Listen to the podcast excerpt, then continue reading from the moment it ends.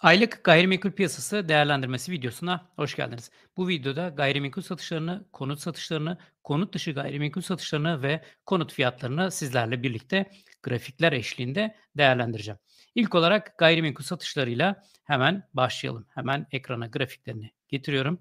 Böylece sizler de bütün verileri net olarak görebileceksiniz. Yılın İlk 10 ayını değerlendiriyoruz. 2022'de toplam 3.2 milyon adet konut gayrimenkul satışı gerçekleşmişti.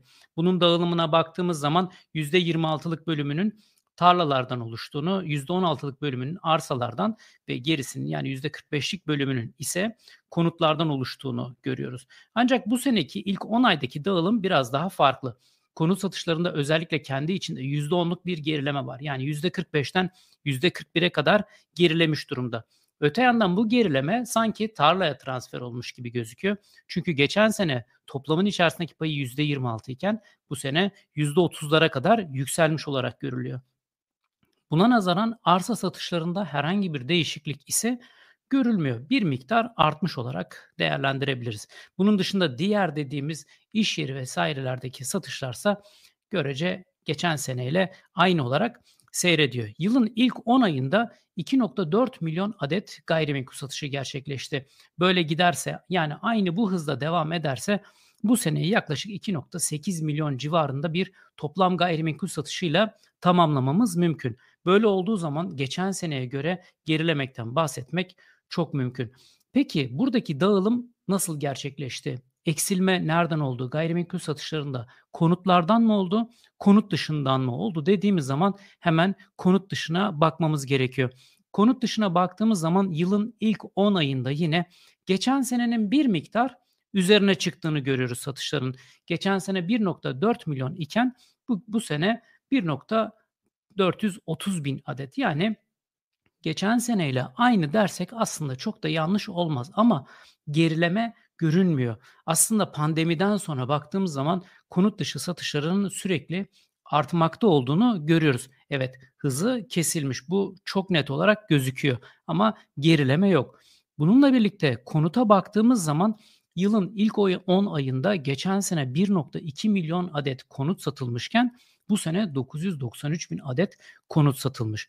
Yani aslında baktığımız zaman 2020'nin öncesindeki döneme doğru dönmek üzere aslında 2018 yani kriz döneminden bile daha geride bir 10 aylık süreç yaşıyoruz. Bundan sonraki süreci de yine sizinle birlikte aslında değerlendireceğiz. Ekim ayında toplam 93 bin adet konut satışı gerçekleşti ki bunu toplam bütün ayların ortalamasında baktığımız zaman 112 bin adet civarında olması gerekiyordu. Bunun da altında. Peki Ekim aylarının Ekim aylarının ortalamasına baktığımız zaman Ekim ayları 115 bin adet civarında. Burada da yine ortalamanın altında kalmış oluyor. Buradaki dağılıma da birazdan bakacağız. Kredili satışlarda mı gerileme var?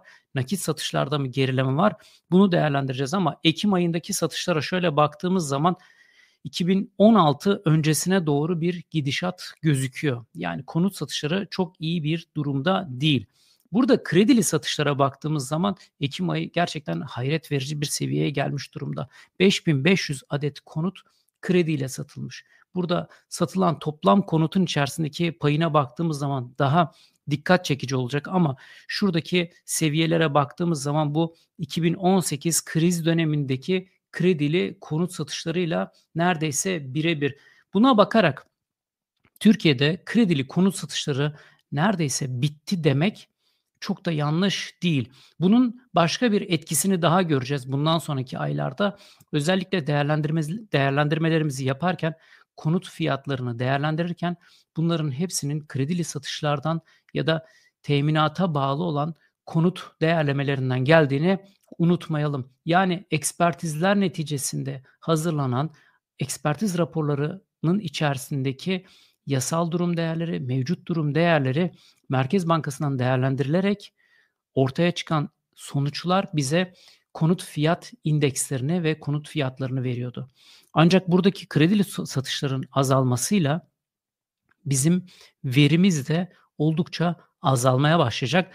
Bundan sonra aynı zamanda ilan verilerine de bakarak bunları karşılaştırmamız bizi daha doğru verilere götürebilecektir. Çünkü veri sayısı özellikle büyük şehirler dışında iyice sıkıntılı hale gelmeye başlayacak.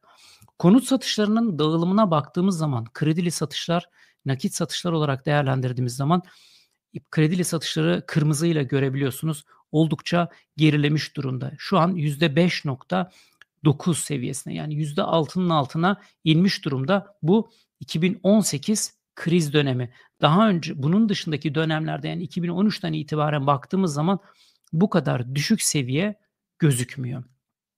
Bu da tabii ki nakit satışları arttırmış durumda. İpoteksiz satışlar gördüğünüz gibi ipoteksiz satışların ortalamasında neredeyse ortalamayı yakalamış.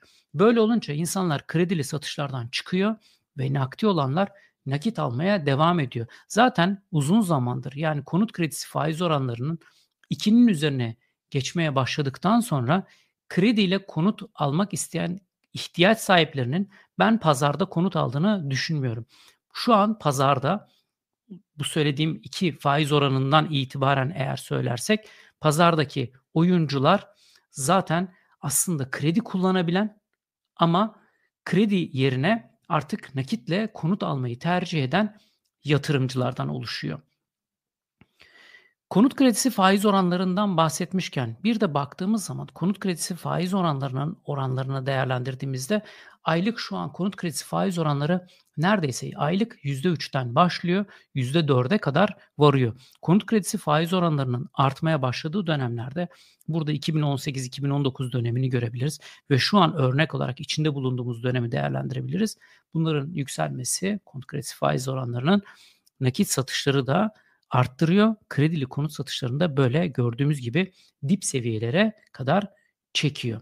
Peki konut satışlarının dağılımına baktığımız zaman burada biliyorsunuz ikinci eller ve birinci el konut satışlarımız var. Birinci el konut satışları uzun zamandır %30'lar civarında. %30'ların biraz altına iniyor.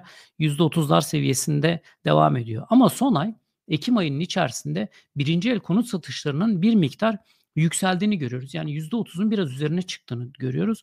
Bu bana şunu düşündürüyor. Demek ki konut almak isteyen, nakiti olan çünkü anladık ki nakitle konut alanlar artmaya başladı. Bu kişiler artık birinci ellerde özellikle üreticilerle anlaşarak konut alma fırsatını yakalıyor. Yani pazarlık yaparak konut alabilme, ellerindeki konut alabilme gücünü kullanıyorlar diye düşündürüyor. Konut fiyat değişimlerini de değerlendirdiğimiz zaman yıllık biliyorsunuz nominal yani enflasyonla birlikte değerlendiriyoruz ve enflasyondan arındırarak yani reel olarak değerlendiriyoruz. Nominal artışa baktığımız zaman %91'den %89'a gerilediğini görürüz geçen aya göre. Reel artıştaysa %17'ye o da %20'lerdeydi. %17'ye doğru gerilediğini görüyoruz. Peki bu nereye kadar daha gidecek? Benim tahminim %8'lere kadar gidebileceğini tahmin ediyorum. Türkiye'de uzun dönemli olarak reel konut fiyat artışlarına baktığımız zaman yıllıkta %5 civarında bir reel artışı her zaman görüyoruz. Bu yüksek olduğu dönemlerde %10'lara kadar yaklaşıyor ama ortalamada %5'ler civarında. O halde biz eksi seviyesine kadar bile belki de hazırlıklı olmalıyız.